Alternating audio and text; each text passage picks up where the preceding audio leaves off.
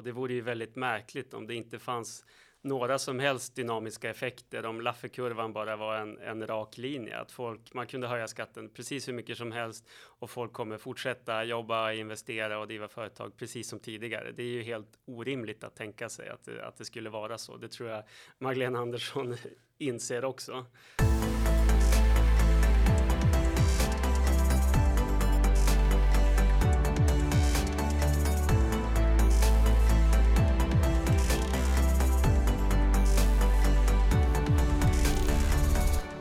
Jakob Lundberg är doktor i nationalekonomi, chefekonom på Timbro med ansvar för bland annat skattefrågor och aktuell med boken Allt du behöver veta om skatter. Välkommen till Uppskattat Jakob. Stort tack Christian. Kul att ha dig här. Eh, jag tänkte vi börjar lite med din bakgrund och så där så vi får lära känna dig lite bättre. Din kandidatexamen är från Oxford och vid 23 års ålder tog du din master vid Cambridge och så var du 28 år när du doktorerade vid Uppsala universitet. Det är ganska snabbt marscherat. Eh, har det alltid varit självklart för dig att eh, leda dig till högre studier? Ja, och även nationalekonomi var väldigt tidigt som jag kom in på det. Jag har varit samhällsintresserad sedan högstadiet någon gång och särskilt intresserad av samhällsekonomin och sådär. Så att jag läste mycket böcker från Timbro och följde skattebetalarna redan då. Eh, och intresset för skatter var väl något som kom lite senare, men det är ju naturligt om man är intresserad av, av ekonomi och även intresserad av att öka individens frihet, att då är skatter någonting som, som är ett, ett intressant ämne. Ja, ett viktigt, ett viktigt instrument för, för, för frihet eller, ja, eller mot. Ja, precis. Mer så. så du är precis som jag, för du är uppväxt i, i, i Skromträsk norr om Skellefteå. Ja. Jag misstänker att alla inte var lika intresserade av du av nationalekonomi och samhällsfrågor där. Nej, jag var väl ganska ensam. Ja. Det var tur, men det var ju precis när det började bli populärt med bloggar och sånt där som, som jag växte upp. Så att då fick man kontakt med, med den världen. Mm, ja, jag känner igen mig något där. Jag är ju själv från Flen i Sörmland och medan de andra eh, kompisarna körde, buskörde moped så satt jag och läste eh, politiska böcker. Ehm, eh, du är som sagt aktuell med boken Allt du behöver veta om skatter. Eh, ska bok boken ses som en lättläst version av en avhandling eller är det här ett bredare anslag du har tagit? Eh, man ska se det som en introduktion till skatteekonomi, alltså den, den del av nationalekonomi som studerar skatter. Det är ett väldigt stort forskningsfält som har både teori och mer tillämpad forskning där man tittar på, på siffror och data. Uh, och jag har ju, i, i, min forskning så har jag tittat på, specifikt på skatter på arbete. Men den här boken handlar ju om alla sorters skatter, även miljöskatter och företagsskatter och kapitalskatter och sådär. Uh, så det är helt enkelt en, en, introduktion till, till det forskningsfältet och hur nationalekonomer ser på skatter. Eh, och det finns ingen sån bok på, på svenska egentligen, åtminstone inte de senaste 25 åren eller något sånt där. Eh, och egentligen inte så mycket på, på engelska heller som är tillgängligt för en bredare publik. För det har ju också varit ambitionen att det här är inte för specialister utan man ska kunna läsa den eh, utan särskilt mycket förkunskaper. Mm. Jag måste säga att jag uppskattar det. Jag har ju läst boken och uppskattar den eh, mycket. Den är ju eh, eh, eh, även för en lekman misstänker jag ganska lätt att sätta sig in i. Men även då för en, en skattetok som jag så finns det en hel del insikter och klokskap att hämta än. Så jag måste säga att jag uppskattar den mycket. Men du, du håller ifrån att göra värdeomdömen. Det här är mer en, en, en teknisk beskrivning av hur saker fungerar. Det är inte en, en, en vanlig bok från Timbro kan man säga va? Nej, utan jag, jag vill ju fokusera just på, på forskningen och sen så är det klart att mycket av, av den nationalekonomiska forskningen handlar ju om hur skatter skadar ekonomin på olika sätt. Mm. Eh, det är ju ganska naturligt. En del säger att ja, man, man, läser den här boken och det handlar bara om varför skatter är dåligt. Men ja, så är det ju. Eh, miljöskatter är bra, men i princip alla andra skatter är dåliga. Det gör det mindre lönsamt att arbeta, mindre lönsamt att investera. Eh, så därför är det helt naturligt att boken handlar om eh, varför skatter är dåligt. Utan att jag skriver folk på näsan, utan jag, jag bara förklarar på vilket sätt enligt forskningen som, som skatter påverkar hur vi beter oss och påverkar samhällsekonomin. Eh, men samtidigt måste man ju alltid ha med sig att vi, vi har ju skatter av en anledning. Vi kastar ju inte pengarna i sjön utan vi använder ju pengarna till olika offentliga utgifter. Så det, det, finns ju alltid två vågskålar här. Men skatterna är ju ett nödvändigt ont för att finansiera utgifterna. Precis, och diskussionen handlar om hur, hur höga skatter ska vara och, på, och vad vi ska beskatta egentligen. Ja, ja precis. Eh, men alla skatter kommer med, en, en eh, med skador. Mm. Eh, om vi då, innan vi djupdyker i, i boken då, och det ska jag säga också, det, den här intervjun eller eh, en intervju med dig finns ju med i det tredje numret av Sunt förnuft för i år. Där finns det också en möjlighet att köpa din bok till ett rabatterat pris. Mm. Om man är medlem i Skattebetalarna. Om man är medlem Vilket i Skattebetalarna. jag rekommenderar. du, vad bra, då slipper jag säga det. Tack. Eh, så är det. Eh, ytterligare ett skäl att läsa den. Eh, din doktorsavhandling har titeln Essays on Income Taxation and Wealth Inequality. Eh, vad handlar den om? Ja, det är, det är en sån här sammanläggningsavhandling, så det är ett par olika eh, vetenskapliga artiklar i det. Men tre av de fyra artiklarna handlar om, om skatt på arbete och, och hur Eh, skatterna gör att eh, vi arbetar mindre, tjänar mindre pengar och det påverkar i sin tur då skatteintäkterna och samhällsekonomin.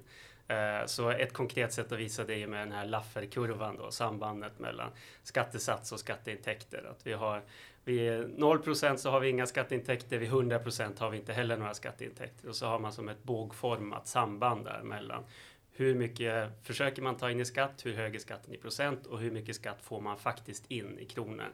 Eh, så det, det är ju ett viktigt fokus för, för min avhandling. Då. Det jag tar då den forskning som finns som tittar på hur mycket om man höjer skatten med x antal procent, hur påverkar det då folks vilja att arbeta och tjäna pengar? Jag tar den forskningen och så med utgångspunkt i den så modellerar jag då lite olika förändringar i det svenska skattesystemet. Vad händer om man plockar bort statliga inkomstskatten? Vad händer om man eh, tar bort jobbskatteavdraget eller inför fler jobbskatteavdrag? Vad händer om man höjer eller sänker kommunalskatten? Och så tittar jag då på vad, vad leder det här för förändringar i hur många som jobbar och för skatteintäkterna då. Eh, och även rita eh, Lafferkurvor då för, för olika typer av skatteförändringar. Så det är en sorts tillämpad forskning då inom skatten. Spännande. Och vad, vad, vad landar du i avhandlingen? Ja, alltså jag landar i att om man sänker skatten för höginkomsttagare i Sverige, de som betalar statlig inkomstskatt, till exempel genom att ta bort statlig inkomstskatten, så leder det förmodligen då till oförändrade eller till och med ökade skatteintäkter för staten. Att där har Sverige hamnat på fel sida av Lafferkurvan ser det ut som. Eh, men att det gäller ju då inte för lägre inkomster. Så till exempel om man sänker kommunalskatten så är det då delvis självfinansierande. Så att om man sänker kommunalskatten med, med 10 miljarder, vi tänker landet som helhet, eh, så leder det till sänkta skatteintäkter med kanske 6-7 miljarder. Så det leder ändå till mindre skatteintäkter än man hade från början. Men samtidigt så, så, får man ju fler jobb och, och, och eh, fler som, som anstränger sig och tjänar mer pengar och då täcker då delvis upp det här bortfallet. Och vilket ju är viktigt i sammanhanget, eh, det är också så att människor får mer pengar i sin egen plånbok och kan använda de pengarna själv istället för att, för att politiker gör det. Ja, exakt. Och folk får mer pengar i plånboken än vad den offentliga sektorn tappar i skatteintäkter. Just det, just det. Eh, det är ju intressant då att man pratar om eh, så mycket om, och det tävlar ju nästan partierna om, även Vänsterpartiet är väl ute och säger att man ska sänka skatterna på låga inkomster. Eh, och det är ju någonting som, som, som vi också gärna ser. Men eh, de höga skatterna på höga inkomster leder alltså till att vi får inte bara mindre skatteintäkter för att skatterna är så höga. Vi gör alltså både staten och det offentliga fattigare samtidigt som de enskilda personerna blir fattigare. Det här är alltså ett eh, lose-lose scenario skulle man kunna säga. Mm, mm, verkligen, det, det, ser ut så. Man, man ska jag ska inte ge sken av att det här är någon exakt vetenskap, men, men enligt den forskning som finns så, så, verkar det som att man kan faktiskt sänka skatterna för, för höginkomsttagare då och få in mer pengar till staten. Uh, så att det borde man ju definitivt göra. Ja. Jag tycker det är, det är onödigt att chansa att ha för, för höga skatter och, och, hoppas på att det inte leder till, till, lägre, uh, till, till lägre skatteintäkter. Varför tror du att det här är så? Är, först ska jag fråga, är det här ett, ett kontroversiellt påstående i akademin eller är det här självklart för de flesta? Nej, jag skulle inte säga att det är kontroversiellt. Alltså, det är flera andra som har konstaterat det här. Alltså, när det gäller värnskatten som ju avskaffades för nu snart två år sedan så, så var det ju Eh, flera olika studier som kom fram till att det skulle leda till oförändrade eller till och med ökade skatteintäkter för staten om man plockade bort den. Värnskatten var ju då en extra 5% i skatt på, på lite högre inkomster. Så det är ju flera forskare i, i Uppsala och expertgruppen för studier i offentlig ekonomi och sådär som, som har dragit den slutsatsen. Sen har jag gått ett steg längre och sagt att förmodligen kan man göra detsamma med även den statliga inkomstskatten, plocka bort den och få oförändrade eller åtminstone inte tappa några skatteintäkter. Nej. Och, och, trots detta så är det här någonting som aldrig diskuteras i den politiska debatten. Nej, det de Liberalerna drev ju igenom eh, att avskaffa värnskatten, men de fokuserade ju på ja, rättvisa och det är det är också ett rimligt mm. argument att det ska löna sig att utbilda sig och så vidare för de som Eh, utbildar sig till, till, läkare och så vidare. Eh, men de var ju väldigt försiktiga med det här argumentet om dynamiska effekter som det kallas och, och Lafferkurvan och så. Eh, och det tycker jag är lite synd för det, det är väl ett av de starkaste argumenten från forskningen. Men det är väl det finns väl en pedagogisk uppförsbacke här att, att förklara det här med Lafferkurvan och, och har man 15 sekunder i Agenda så är det svårt att komma fram med det budskapet utan då är det lättare att fokusera på, på mer rättvisa argument och sådär. Mm. Och det är klart att då, då blir det också i längden svårt att säga men varför sänker ni då inte skatten för låginkomsttagare istället? Mm. Men verkligen. Eh, jag, jag, jag, måste säga att jag tycker att det är märkligt att inte fler driver den här frågan. Men eh, faktum är att i, i Finansdepartementet skrev ju själva när skatten avskaffades att det är mycket sannolikt att, eh, att, att avskaffandet är själv, självfinansierande. Mm. Att den här reformen faktiskt kommer att generera högre inkomster. Och det är ju i någon mening bisarrt att vi har skatter som vi vet gör inte bara privatpersoner fattigare utan också det offentliga. Det är faktiskt, det är faktiskt vansinne. Mm, mm.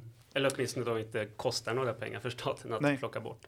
det är ju eh, helt obegripligt. Eh, du skriver också om eh, optimal inkomstbeskattning. Vad, vad är optimal inkomstbeskattning? Ja, det, det, är en väldigt intressant fråga. Alltså i, i nationalekonomin så ser man det här som vi ska, vi ska utforma inkomstskatten, vi ska ta in pengar till staten. Och i grunden handlar det här om en konflikt mellan två olika intressen i ena vågskålen har vi att man vill omfördela. Man tar det som givet att politikerna har den vilja att omfördela från rika till fattiga, från höginkomsttagare till låginkomsttagare. Helt enkelt för att låginkomsttagare har mer nytta av sina pengar. Ger man 100 kronor till en, en undersköterska så gör det mer nytta än om man ger 100 kronor till en läkare. Så att det finns liksom en inbyggd vilja att, att omfördela och jämna ut inkomstfördelningen. Mm. Så det är ena aspekten. Och det andra är ju då att men har man höga marginalskatter så att det lönar sig sämre att tjäna pengar och öka sin inkomst. Då, ja, det, det leder till negativa effekter för ekonomin och det leder till en, en mindre kaka. Folk anstränger sig mindre. Så vi har en konflikt mellan en jämnt fördelad kaka och en stor kaka. Mm. Uh, och det är det som man då i optimal inkomstbeskattning som är då ett, ett fält inom nationalekonomin. Då kan man då man, man, måste göra ett värdeomdöme där och säga då, men hur, hur viktigt är det att ha en jämn inkomstfördelning? Och så måste man ju veta då hur mycket reagerar folk på eh, att man har höga skatter? Hur, hur mycket leder det till att man drar ner sin inkomst om man har beskattas mycket på en inkomstökning? Och då kan man då faktiskt räkna ut vad är den optimala skatteskalan för, för samhället. Um, och så det är det som, som den uh, forskningen handlar om då helt enkelt. Mm. Det, det anförs ju ofta från uh, regeringshåll nu inte minst att eh, st stora inkomstskillnader leder till, eller stora klyftor leder till försämrad tillväxt. Ligger det någonting i det där? Nej, det har jag svårt att tro. Alltså, det, det finns ju ett, ett, par studier från, som man gärna hänvisar till från eh, Eh, internationella valutafonden och sådär. Men det finns andra studier som inte har kommit fram till det. Och då tittar man ju helt enkelt på länder med högre ojämlikhet och så tittar man på vad händer med tillväxten. Eh, men det är det här problemet med korrelation och kausalitet. Alltså det är väldigt svårt att ha två, två sådana eh, storheter som påverkas av så många andra olika saker. Båda de påverkas av skatter och politik och konjunktur och invandring och allt möjligt. Eh, och att då försöka hitta ett orsakssamband mellan de två eh, blir väldigt svårt. Och sen handlar det om, ja men okej, även om det skulle vara så, vilken politik tänker man sig då använda för att jämna ut mm. inkomstfördelningen? Eh, om man då säger att det här är ett argument för att jämna ut inkomstfördelningen med skatter, då är det ju, då är det mycket rimligare att titta på forskning som handlar om just skatter. Och då har ju, hela min bok handlar ju om vilka olika negativa effekter som skatter har. Så att då, om man då, ja då måste man ju konkret då, vill man då återinföra värnskatten eller ha en ännu högre värnskatt? Det är ju det är sådana saker som man då skulle behöva göra för att jämna ut inkomstfördelningen. Så att då, eh, då, då blir ju det argumentet väldigt tunt. Men till exempel Magdalena Andersson gillar ju att, att, att ta upp det där. Ja, och jag har också blivit, när jag har läst eh, de underlag som de hänvisar till, det är väl både IMF och OECD, så tycker jag att det är ganska tunna texter. Och eh, jag vet att tyska eh, finansdepartementet räknade på det här för att titta på det här för några år sedan. Och det var ju då lett under, eh, under socialdemokratisk ledning, det departementet. Och man konstaterar att det här stämmer ju inte i, i välutvecklade länder. Mm. Däremot så är stor inkomstspridning eller stora klyftor då ett problem i mindre utvecklade länder där det här tyder på korruption eller att folk inte har tillgång till vettig utbildning utbildning. Mm. Eh, men då är det korrelation och inte kausalitet. Så det där har väl vederlagts. Det finns ju oerhört robusta samband mellan, eh, som du har visat, då, sänkta skatter och, och ökad tillväxt. Tvärtom. Mm. Så att det där, jag, jag, tycker att det är lite lurigt av dem ibland att anföra detta. Inte ja, minst av ja. Magdalena Andersson som är ekonom och, och gissningsvis vet bättre. Eh, hon har också kallat dynamiska effekter för, för, för, för högerextremism och hon menar nog då inte att det är högerextremist i, i, någon slags eh, fascistisk bemärkelse men, men väl att det skulle vara någon sån galen nyliberal teori. Men, men, men det du berättar eh, tyder ju på att det är en ganska att det finns en trygg forskningsgrund att stå på här. Mm, mm. Ja, och som till exempel hennes eget finansdepartement använder. Ja.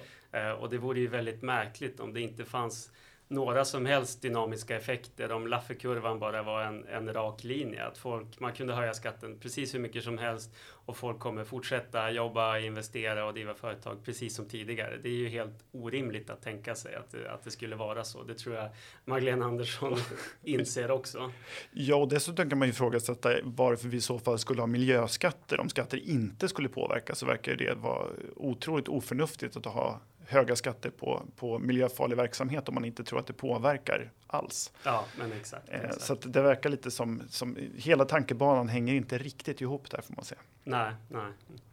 Eh, en intressant sak är att du i avhandling tittar på 27 länder och jämför då självfinansieringsgraden eh, vid en liten skattesänkning på höga inkomster och då kom du fram till att den varierade oerhört mycket. Om jag har läst rätt så är det mellan 28 och 195 procent varför skiljer sig den här självförsörjnings, eller vad säger, självfinansieringsgraden så oerhört mycket åt? Mm. Alltså, den största skillnaden är ju att länder helt enkelt har olika höga marginalskatter. Så att, eh, I det här materialet, när jag gjorde den här undersökningen för ett par år sedan, då hade ju Sverige världens högsta marginalskatter på höga inkomster. Det var 76 procent om man räknar in även moms och arbetsgivaravgifter som gick i skatt om en, en läkare eller något sånt där eh, tjänade lite extra. Nu är värnskatten borta så att nu är det nere på 73 procent och Sverige ligger tredje högst i världen.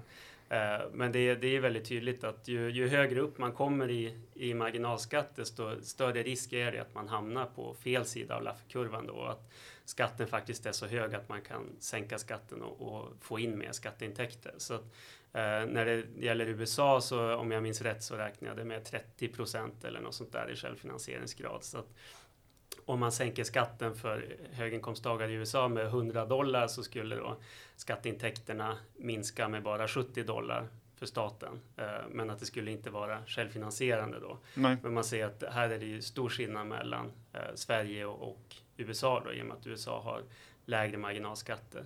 Och faktiskt dessutom, det är mer en teknisk poäng, men en mer utdragen inkomstfördelning. I Sverige så Eh, de höginkomsttagare som finns har relativt låga inkomster i internationell bemärkelse. Eh, så att det leder då till att man får inte så där jättemycket pengar genom att ha höga skatter på höginkomsttagarna. Samtidigt som man fortfarande har de här negativa dynamiska effekterna, negativa incitamentseffekterna av höga skatter. Så det leder också då till att det blir särskilt snedvridande i Sverige att ha hög skatt på höga inkomster. Just det, för att de är väldigt höga och träffar även ganska för, förhållandevis låga inkomster. Ja, ja. Mm. Finns det, det måste finnas andra faktorer som spelar in, till exempel hur, mycket, hur väl staten fungerar och att man uppfattar att, att staten sköter sitt åtagande. Jag misstänker att det också påverkar skatteviljan eller att det påverkar sådana Lafferkurvor. Det måste vara svårt att forska om, men det, det ja, måste finnas sådana. Och kulturella faktorer borde väl rimligtvis också spela in. Så är det nog, men jag har antagit att det inte skiljer Nej. sig åt i olika länder. För det, det finns ju en forskning här som tittar då på tidigare skattereformer och så tittar man då på, man kan ju följa befolkningen i taxeringsregister så man ser precis hur mycket, hur stora taxerade inkomster har människor. Så i Sverige har man tittat på skattereformer under 80-talet, man tittade på den stora skattereformen 1991, eh, värnskattens införande under 90-talet och så vidare. Och så kan man då se det, men när vi sänkte marginalskatten, vad hände med folks inkomster? Så det finns en forskningslitteratur här på drygt ett 50-tal studier som, som jag lutar mig på i den här forskningen. Eh, men den, är, det, det täcker inte särskilt många länder, så det, det är mest USA, ett par europeiska länder, nordiska länder och sådär. Så att jag kan liksom inte säga att eh, folk i Belgien är mer känsliga för skatter än folk i Grekland, utan jag fick helt enkelt anta att, att det här är samma i alla länder. Så att det, det här är inte heller några exakta siffror det som jag gjorde i, i den här avhandlingen, utan förhoppningsvis är ju det här ja, det här är ju ett växande fält så att förhoppningsvis kan man göra om det här om, om tio år och då kanske kunna säga någonting mer. För förmodligen är det ju som du säger att i kanske länder i Sydeuropa och sådär där det finns större möjligheter till skattefusk, kanske lägre tilltro till staten, att där är folk ännu mera, att man reagerar ännu mer på, på skatter än, än i, kanske i Norden. Just det, och, och möjlighet, andra möjligheter till avdrag och sånt där kan säkert, mm, säkert spela in mm. också. jag förstår det och sen, samtidigt ska det ju vara greppbart och möjligt att forska om. Mm. Eh, du talade här om marginalskatter i Sverige på långt över 70 procent och när man pratar om eh, marginalskatter oftast i debatten så, så pratar man marginalskatter, kommunalskatt och och så lägger man på då eh, den statliga inkomstskatten och då hamnar man på strax över 50 procent. Det blir, mm. väl eh, med avtrappade jobbskattavdrag som slår in sen så blir det ytterligare lite mer. Mm. Eh, och, men då för, för våra lyssnare, hur kommer du fram till att det är 77 procent? Va? Ja, 73 blir 73. det nu då. Ja, just det, 77 var det tidigare. Mm. Um, ja, men först så, vi kan ju ta beräkningen nu då. Ja. Det är kanske siffernördar som sitter här och lyssnar. Eh, om vi tänker oss en läkare då som får 100 kronor i eh, ökad inkomst. Eh, då kostar det 131 kronor för arbetsgivaren eh, eftersom det är en arbetsgivaravgift på 31 procent som tillkommer. Eh, så att vi, vi, kan, vi, vi tänker oss bara 131 kronor i någon sorts ökad intjäning. Vad händer med de pengarna? Ja, 31 kronor går i arbetsgivaravgifter och sen kommer då 55 kronor att gå i eh, kommunalskatt och statlig inkomstskatt och eh, att jobbskatteavdraget blir lite lägre som du är inne på. Så det var, eh, då har man 45 kronor kvar eh, och det ska man ju köpa någonting för. Man kommer behöva betala moms och bensinskatt och alkoholskatt och sånt där. Och det är ungefär en femtedel av det här beloppet som man har att handla för. Eh, så det blir av 45 kronor som den här läkaren har att köpa för går då 9 kronor i konsumtionsskatter som moms och sånt. Så då kan vi bara plussa ihop 31 kronor i arbetsgivaravgift, 55 kronor i statlig och kommunal inkomstskatt och 9 kronor i eh, skatter på konsumtion. Det blir totalt 95 kronor av 131. Eh, så det är då 73 procent som, som försvinner bort. Så att totalt sett så har då eh, staten fått 73 procent av den här eh, inkomstökningen och den här eh, läkaren har då fått behålla 27 procent och det är bland, bland de högsta i världen. Och det är ju väldigt, väldigt lite på en, den sista, sist intjänade hundralappen. Mm. Eh, är det verkligen, för jag får ibland mothugg då när man räknar med arbetsgivaravgiften i, i, eh, i den totala skatten så får man mothugg och säga att det där är arbetsgivaren som betalar och så där. Men hur, hur säger, vad säger du och forskningen om detta? Um, ja, alltså det, det det är väldigt svårt att tänka sig någonting annat än att arbetsgivaravgiften skulle betalas av, av löntagaren. Alltså det här är en skatt på drygt 600 miljarder. Eh, och det, det, att, att man skulle tänka sig att det här skulle falla på, I nationalekonomin så man pratar om arbete och kapital. Det är mm. liksom de två stora produktionsfaktorerna som, som, eh, som, som skatterna faller på, som, som i slutändan betalar skatterna.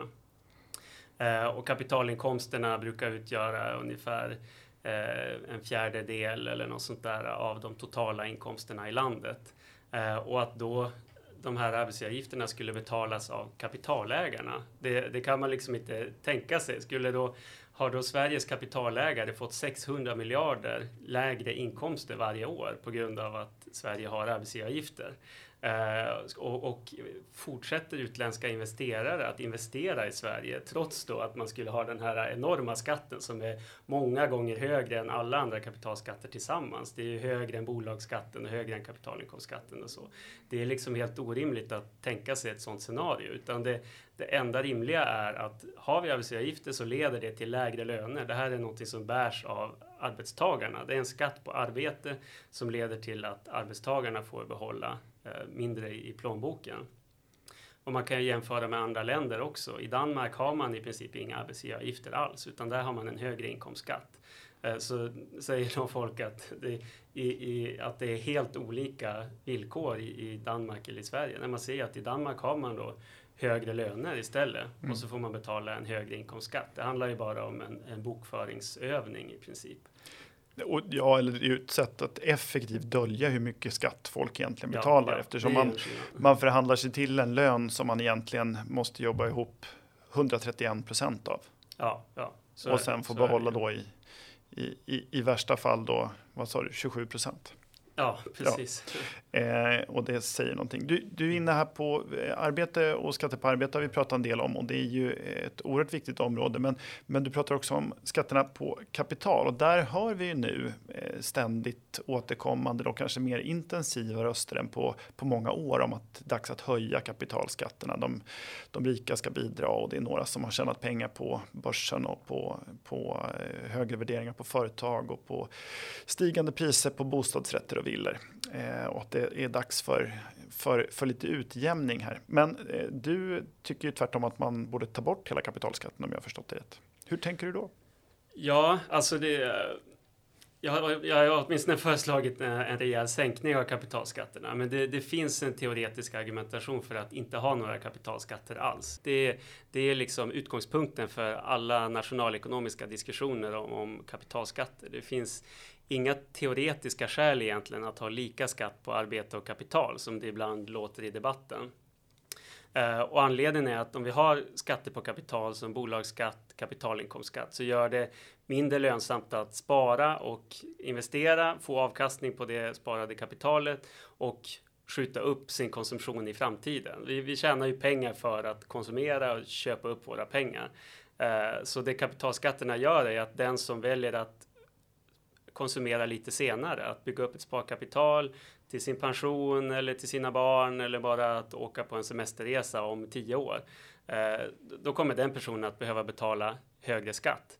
Eh, och ett sätt att se på det är att vi nationalekonomer vill ju att skatterna ska påverka våra beslut så lite som möjligt. Det är inte skatterna som ska avgöra vad vi väljer att lägga våra pengar på, vad vi väljer att investera i, utan det är liksom hur ekonomin faktiskt ser ut. Vad är det som kostar mest att producera? Det är det som ska avgöra vad vi vill lägga våra pengar på och hur mycket värde det ger till oss. Um, och ett sådant beslut som skatterna kan påverka är ju då när vi väljer att konsumera. Uh, och har man eh, skatter på kapital överhuvudtaget så leder det då till att det blir en högre skatt om man väljer att skjuta upp sin konsumtion in i framtiden. Och genom ränta på ränta effekten blir den här effekten särskilt stor då om man, om man väntar ett, ett par decennier eller så. Uh, så att, därför så finns det då ett, ett teoretiskt argument som, som kallas eh, Chamley-Judd-teoremet från, från mitten av, av 80-talet som säger att ja, det bästa är att inte ha några kapitalskatter överhuvudtaget utan man beskattar arbete och man beskattar konsumtion. Eh, och sen eh, utöver det så får folk bestämma själva då. Vill jag konsumera upp mina pengar nu eller vill jag spara dem till pensionen? Och det beslutet ska liksom inte störas av skatterna. Och då får man ju då ett rimligtvis ett högre sparande och mer investeringar och ja, ökad BNP och högre löner helt enkelt. Så enligt det här argumentet tjänar ju alla då på att man faktiskt inte har några skatter på kapital överhuvudtaget. Ehm, då ska jag säga, det pågår en akademisk debatt om det här. Det finns olika argument. Man kan alltid krångla till de här teoretiska argumenten. Vad händer om man lägger in risk i det här? Vad händer om man tänker sig att folk har tur eller att man har flera generationer och så vidare. Men, men utgångspunkten är noll kapitalbeskattning. Och jag tycker fortfarande att det är ett viktigt argument och det, det viktigt att få ut det i debatten, för det är ingenting som hörs i, i den allmänna debatten eller den politiska debatten, men det är helt grundläggande för de nationalekonomiska diskussionerna om kapitalskatter. Ja, det är ju snarare tvärtom, att ganska ofta så anförs det ju att, att skatterna på kapital är så mycket lägre än skatterna på inkomst och att det behöver åtgärdas genom att man höjer kapitalskatterna, som att det här vore två stycken, som att det vore att beskatta samma sak. Ja, nej, men då måste man komma ihåg att kapital är ju uppbyggt av beskattade arbetsinkomster. Så att kapitalskatter är ju egentligen en sorts eh, dubbelbeskattning då. Att man, man skattas när man, man tjänar in pengarna och sen så ska man skatta igen då när det här beskattade kapitalet växer. Just det, just det. Eh, vi, pratade, vi var inne på de här arbetsgivaravgifterna eh, innan och att överföra dem till lön, vilket vi också har pratat om. Vi publicerade en rapport här under eh, sommaren om den allmänna löneavgiften som är särskilt eh, stötande. För den eh, arbetsgivaravgiften är ju då lite drygt 30 procent som läggs ovanpå lönen och som arbetsgivaren betalar, som du aldrig ser som, som anställd. Eh, och de här består av lite olika delar som, som går till eh, olika typer av socialförsäkringar, åtminstone upp då till ett visst tak, alltså till, till en viss mm. inkomstgräns. Därutöver så, så, så, är de ju inte en avgift utan då också en ren skatt. Så på höga inkomster, inkomster är hela arbetsgivaravgiften en, en, en skatt bara och har ingen koppling till, till försäkringar. Men hela den allmänna löneavgiften som infördes på en ganska låg nivå för att finansiera vårt eh, inträde i, i Europeiska unionen den infördes på någon procent eh, och har sedan dess kontinuerligt stigit och utgör idag en tredjedel av arbetsgivaravgifterna och genererar intäkter på 200 miljarder varje år. Va? Mm, mm. En oerhört stor del som bara är en ren skatt. Den, den har både du och vi argumenterat för borde, borde överföras till lön. Hur skulle man kunna göra det där tekniskt. Mm. Jag skulle egentligen gå ännu längre och säga att flera andra komponenter i arbetsgivaravgifterna är skatt också. Eller alltihopa är ju skatt rent ja. formellt om man tittar på OECDs och EUs definitioner och så vidare. Och det redovisas som skatter i, i statsbudgeten och så vidare. Eh, det här det är, liksom, det är en tvångsmässig betalning. Du hamnar i finkan om man fifflar med den och så vidare. Så att arbetsgivaravgiften är ju en skatt till, till allra största delen faktiskt, eh, för den som är nördig, delen som går till premiepension är inte en skatt enligt ja, officiella definitioner. För det är liksom mina egna pengar. Det sätts av på ett faktiskt konto. Eh, men allt annat är skatt. Um, och, och, jag skulle säga särskilt när det gäller det som går till föräldraförsäkring och, och sjukförsäkring och så. Det, I praktiken går ju det här direkt in i, i statskassan och, och, politikerna kan göra lite vad de vill med det. Så jag skulle egentligen säga att det, det här är inte någon sorts försäkringspremier som finansierar försäkringar utan det här är en skatt som tas ut för att finansiera olika bidragssystem. Kalla det a-kassa eller kalla det sjukpenning eller något sånt där.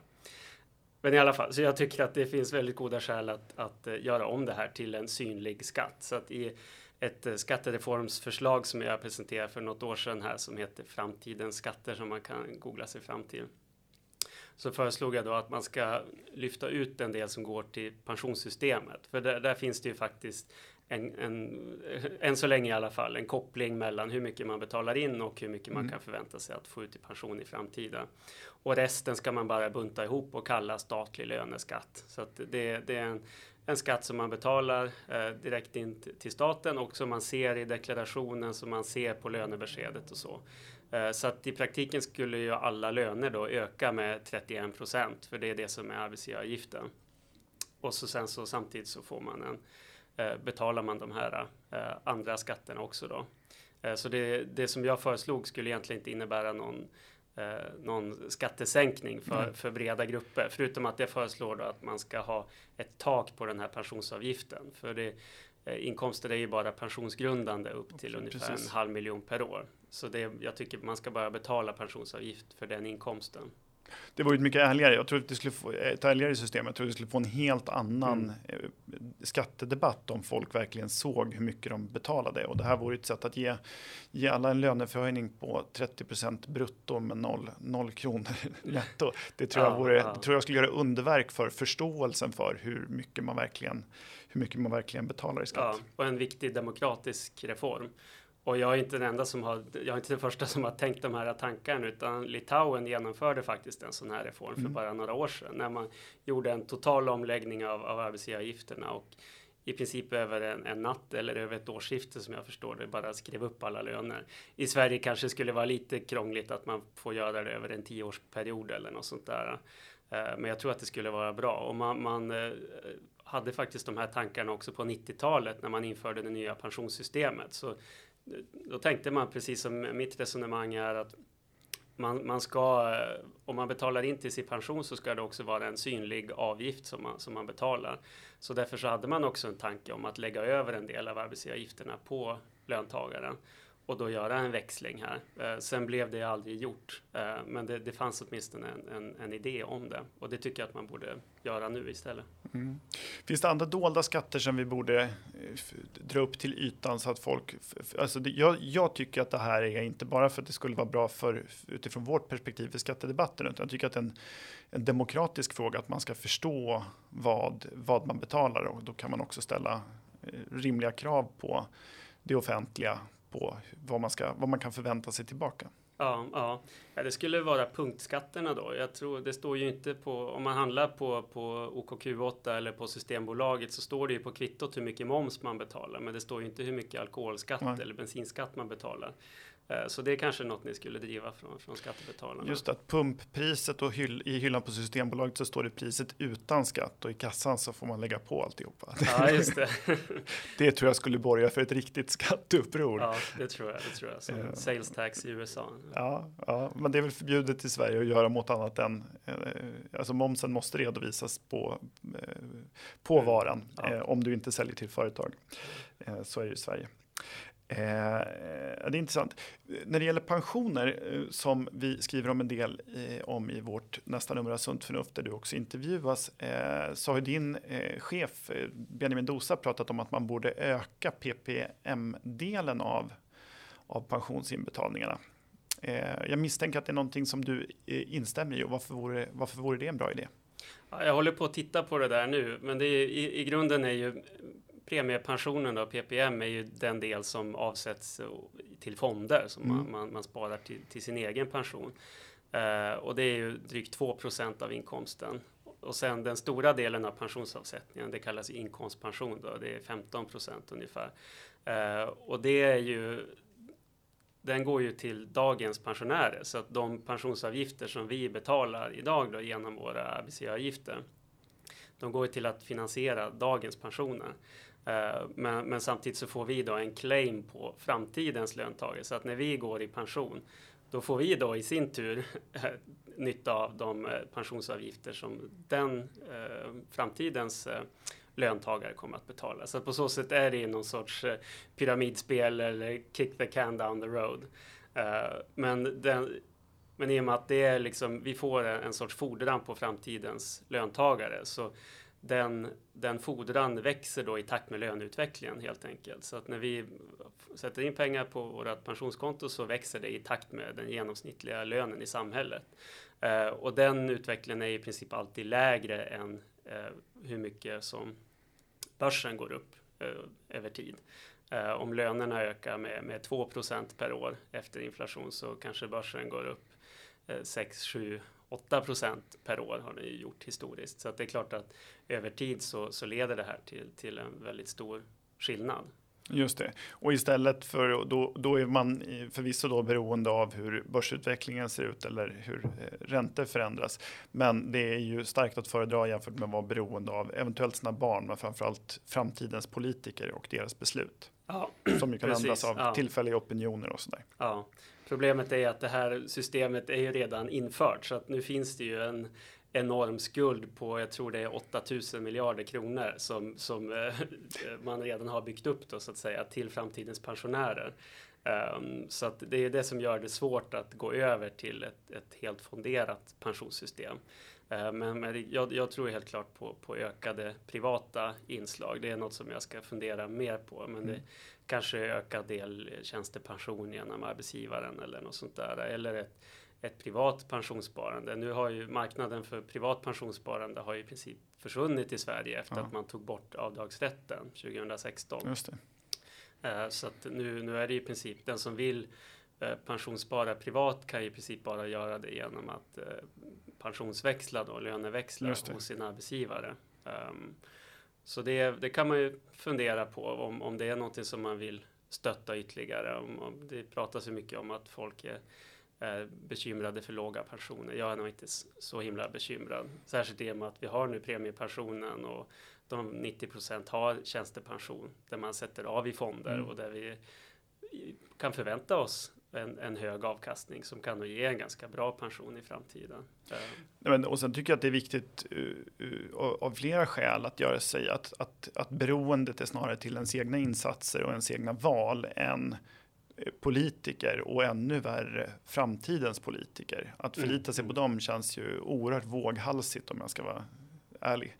Eh, det är mycket bättre att själv ha kontroll över sitt sparande och kan man då ge medborgaren den möjligheten via ett utökat PPM-del så är det alldeles utmärkt. Mm. Eh, även om staten naturligtvis kan ta ansvar för de som har det allra mest eh, utsatta. Bra. Vi, eh, började, vi nämnde i början att din, din bok är en, tycker jag, en, en väldigt snygg förklaring av hur skatter eh, fungerar och ett, ett bra sätt att sätta sig in i, i nationalekonomi. Jag tycker jag har gjort en, en, en bra pedagogisk uppgift och nu har ju vi idag pratat mer om kanske principiella och moraliska aspekter av skatter också som, som det inte är så mycket av i boken. För jag tror att din, vårt samtal kanske kan provocera en person som, som inte håller med om att sänkta skatter är bra medan din bok är någonting som jag tror att eh, man oavsett politisk uppfattning kan ta del av med, med stor behållning. Mm, det är förhoppningen. Mm. Ja. Eh, och om vi nu ska bli eh, mer då principiella vad, som avslutning. Vad, vad, skulle, om du fick vara finansminister och hade egen majoritet i riksdagen, vad, vad vore det första du skulle göra? Mm, det är en bra fråga. Ja, men... Jag får säga ett par olika saker. Ja, oh ja du, du behöver inte bara välja en enhetlig moms. Eh, jag skulle rensa upp bland punktskatterna så att vi faktiskt beskattar det som är dåligt för miljön, att vi beskattar utsläpp och inte bilar till exempel. Eh, jag skulle ha en, som vi var inne på, väldigt mycket lägre kapitalskatter. Sen begränsar ju Sveriges eh, internationella åtaganden kanske hur lågt man kan gå. Men, men mm. bolagsskatten skulle jag nog prioritera att sänka. Det, det vet vi att den skrämmer bort investeringar. Och, och sänker tillväxten och förenkla kapitalskatterna också eh, och, och dra ner ränteavdragen en bit också skulle jag göra. Um, och förenkla uh, skattesystemet uh, mycket också så att man har jag har föreslagit att man ska införa ett jobbgrundavdrag som är då 10 000 kronor i månaden som man mm. inte ska behöva betala någon, någon skatt på. Uh, och sen en platt skatt utöver det då. Så man tar bort den statliga inkomstskatten och så, att man, och så en, en synlig pensionsavgift då så man ser vad, vad som faktiskt går in i, i pensionssystemet. Och en plattskatt på inkomster, alltså inte, inte på alla skatter utan en plattskatt på inkomster? Ja, på, på arbetsinkomster. På, ja, precis. Ja, ja, precis. Mm. Härligt, härligt. Ja, eh, skulle du ställa upp i ett val och genomföra detta så, så kan jag lova att du har min röst. Eh, jättetack för att du ville komma hit till oss idag Jakob. Jag är mycket glad för detta och eh, eh, lycka till framöver. Vad händer för spännande på, på din front här under hösten? Ja, det är lite olika. Det är just pensioner är faktiskt något som jag ska eh, titta vidare på har jag tänkt. Det finns ju ett förslag här om, om en eh, höjda pensionsavgifter. Eh, vilket jag är, skeptisk till och som även skattebetalarna håller oh ja. ögonen på. Det är väl 20 miljarder eller något sånt där ja. i skattehöjning som, som det skulle innebära. Eh, och där tror jag att det, det, krävs lite grann för att, att stå emot och, och, granska det. Sen så, vi håller på med, med bostadspolitik mycket. Det kommer Eh, kapitalskatter är säkert en, en, debatt som kommer fortsätta. Vi släppte en rapport i våras som, som visar att Sverige har höga kapitalskatter i en internationell jämförelse tvärt vad Magdalena Andersson gillar att påstå. Eh, så att det, det är mycket som händer som vanligt. Spännande, det ska vi följa med intresse. Eh, stort tack för att du tog dig tid och vi får väl säkert anledning att ha dig hos oss som gäst igen.